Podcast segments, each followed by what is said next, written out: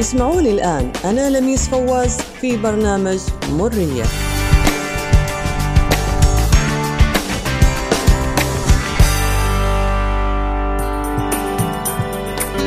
ما في مستشفى وما في مركز صحي ما فيه طاقم نسائي صحي.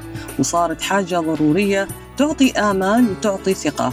نرحب فيكم في حلقة جديدة من برنامج مرية واللي راح نخصصها عن دور المرأة العمانية في الجانب الطبي. دور طبعا كبير وبصمتها في كل مركز صحي أو مستشفى وفي كل مؤسسة صحية. الحاجة الماسة في تواجد الجنس اللطيف في المجال الطبي. أصبح اليوم أمر لا غنى عنه. وذلك لما فيه من أهمية قصوى في تحقيق الأمان النفسي وأيضا الوقوف جنبا لجنب مع الرجل. وصل الأمر إلى أن تفوقت المرأة في جوانب عديدة في مجال الطب على الرجل وهذا يدل على شغفها وحبها المستمر في تخطي العقبات وأيضا تحقيق الإنجازات في كافة المستويات. وهذا واضح فيما تقدمه من دعم نفسي للمرضى وأيضا خدمة إنسانية لكبار السن ومرتادي المستشفيات والعيادات الخاصة. ومن الإنجازات أنها تخوض عملية جراحية متوسطة الخطورة إلى الخطورة القصوى ويكون الكادر الطبي عبارة عن مجموعة من النساء الصابرات والمكافحات حتى يحملن اسمهن بين طيات المرأة ذات اليد البيضاء الطويلة ولعبت المرأة العمانية دور كبير جدا في الفترة الحالية وهي فترة تفشي مرض كوفيد 19 تركت أسرتها وأمان منزلها حتى تكون في الحرم الطبي مع المرضى. تعالج وتخفف وتكافح من أجل شفاء المرضى والحد من انتشار هذا الوباء. وهذا الدور اللي طالما تمنت المرأة أن يكون دورها الملموس من القدم. هي كانت ولا تزال الطبيبة في المنزل قبل المستشفى عند أطفالها وإخوتها وزوجها والجيران ومن يطرق بابها يطلب المساعدة. إحصائيات نشرت في العام 2017 أن ذاك العام تفوق في أعداد النساء الطبيبات على الرجال الأطباء لأول مرة في التاريخ. وبهذا تكون النساء قد تجاوزنا كل العقبات المجتمعية والدراسية وأثبتنا جدارة موثوقة في هذا المجال. وصرنا نشوف اليوم طبيبات يقودن مستشفيات كبيرة نحو النجاح والتوسع. وأخريات تستلمن جوائز نوبل مكافأة على إنجازاتهن الطبية.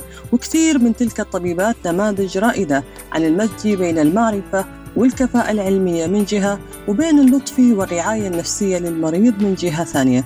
وسجلت المرأة في القطاع الصحي إنجازات كثيرة إلى أن صار دورها قيادي. وهنا نقول لا يزال مبتعثون في الخارج يحققون الإنجازات المتكررة اللي نسمع عنها بشكل متواتر وبشكل أسبوعي أحيانا.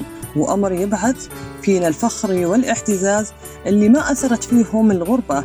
عن الجد والاجتهاد ورفع اسم عمان عاليا. وهنا نتكلم عن طبيبة عمانية سعت للأفضل لتنال مؤخرا جائزة فرانك بي تومبسون التذكارية للجراح السريري المتميز بجدارة. وهي إحدى أكثر الجوائز المرموقة من جامعة بريتش كولومبيا الكندية حيث تعطى لأحد الخريجين كل عام.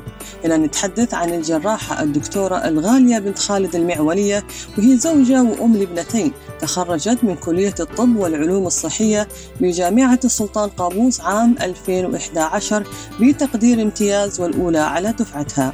وفي حديث لها عن الجائزة تقول إن هذه الجائزة تقدم جائزة فرانك بي تومبسون التذكارية للجراح السريري للمتميز من كل عام لخريج يتميز في المهارات الجراحية والإكلينيكية حيث يصوت لها ما يقارب الخمسون جراحا يعملون في أنحاء مختلفة من المقاطع الكندية بريتش كولومبيا. وإنها تشعر بسعادة كونها أول عمانية حاصلة على هذه الجائزة في عام 2019 وثاني طبيب عماني يفوز بها حيث أن زوجها الدكتور حميد العدوي حصل عليها العام الماضي. وتقول أن هذه الجائزة تعد فخرا لها ولأهلها ولجامعة السلطان قابوس خاصة وإنها تفوقت على أقرانها الكنديين وبنسبة 100% من الأصوات. وعبرت المعولية عن رأيها بالتقدم الطبي في السلطنة قائلة يشهد الطب في بلادنا عمان تقدما ملحوظا بفضل التوجيهات السامية لصاحب الجلالة السلطان قابوس بن سعيد طيب الله ثراه. قد تكون بعض الدول الأخرى متقدمة علينا بعض الشيء في مجالات معينة. لذلك فإن السلطنة تعمل على إرسالنا وتدريبنا إلى الخارج لجلب هذا التقدم بما يخدم القطاع الصحي العماني. وذكرت يواجه الطب والأطباء في العالم تحديات كبيرة لكن مواكبة أو مواكبة التطور والتغيرات الحديثة مهم جدا. وهناك تطورات حديثة في مجال الطب من حيث استخدام التكنولوجيا في بعض المجالات المختلفة. قد يكون أهمها استخدام الروبوت الآلي في مجال الجراحة حيث بدأ استخدامها في السلطنة ويتم تدريبنا عليها حاليا. وأيضا جراحة المناظير الدقيقة قد تكون أحد أشكال التطورات الحديثة في مجال الطب. وأكدت الدكتورة أن تحقيق الطموح من أهم المشاريع في حياة كل إنسان لكن دائما ما يكون هناك عقبات وصعوبات يحتاج معها الإنسان إلى استخدام ذكائه للتغلب عليها. وضعت المرأة العمانية بصمتها في المجتمع وقطعت أشواط طويلة ولكن لا يزال هناك مجال للتحسين. فمنذ أن تولى صاحب الجلالة السلطان قابوس بن سعيد طيب الله تراه. الحكم في العام 1970 ومكانة المرأة العمانية تعلو وقد حظيت بكافة الامتيازات والحقوق ومنها حق التعليم. ومنذ تلك اللحظة والمرأة العمانية تسعى وتساهم في بناء الوطن ورفعته في شتى المجالات. وأجد شغف الطبيبات لمواصلة دراستهن العليا في مجال الطب والتعليم الطبي كبير وبذلك شهدت السلطنة تزايد في عدد النساء في المجال الطبي بنحو كبير مقارنة بالسنوات الماضية وهي ظاهرة عالمية وليست فقط محلية. ومن إنجاز الجراحة الدكتورة الغالية بنت خالد المعولية إلى إنجاز آخر. وهنا نتكلم عن إنجاز الدكتورة عذاري بنت عبد الله الزعابية وهنا تحصلت الدكتورة عذاري بنت عبد الله الزعابية من مستشفى جامعة السلطان قابوس عضوية لجنة التحكيم لعدة جوائز عالمية في مجال أبحاث بروتينات جسم الإنسان كأول عمانية وعربية يتم اختيارها كعضو في منظمة هيوبو العالمية. وقالت الدكتورة عذاري إنه من خلال وجودها كعضو في المنظمة ستعمل على تعزيز التعاون العالمي بين جامعة السلطان قابوس وهذه المنظمة والعلماء المنضمين إليها من مختلف جامعات العالم والذي بدوره سيساهم في تقوية البحث العلمي في هذا المجال. والدكتورة عذاري قد تحصلت على الدكتوراه من جامعة السلطان قابوس وكانت من أوائل الدفعة.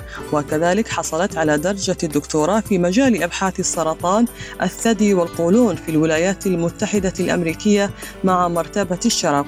ومنظمة هيوبو هي منظمة عالمية تعنى بالتركيز على الأبحاث الإكلينيكية في مجال البروتين البشري وتعمل من خلال أبحاثها إلى فهم التركيب الجزيئي لبروتينات جسم الإنسان. كون البروتين هو المحرك الأساسي لكل وظائف الجسم وتركيب الخلايا ومن ثم ربط الأحداث البروتينية بالجينات لتكوين رؤية شاملة لتركيب ووظائف جسم الإنسان ويساعد علميا في فهم مسببات الأمراض الأمراض وطريقة علاجها والوقاية منها. ممرضة وطبيبة ومضمدة وفي كل المهن الطبية نجد المرأة العمانية موجودة. تحية كبيرة بكل معاني الحب لهن ويستاهلن مرية نلتقي فيكم في حلقة جديدة من برنامج مرية وإلى اللقاء.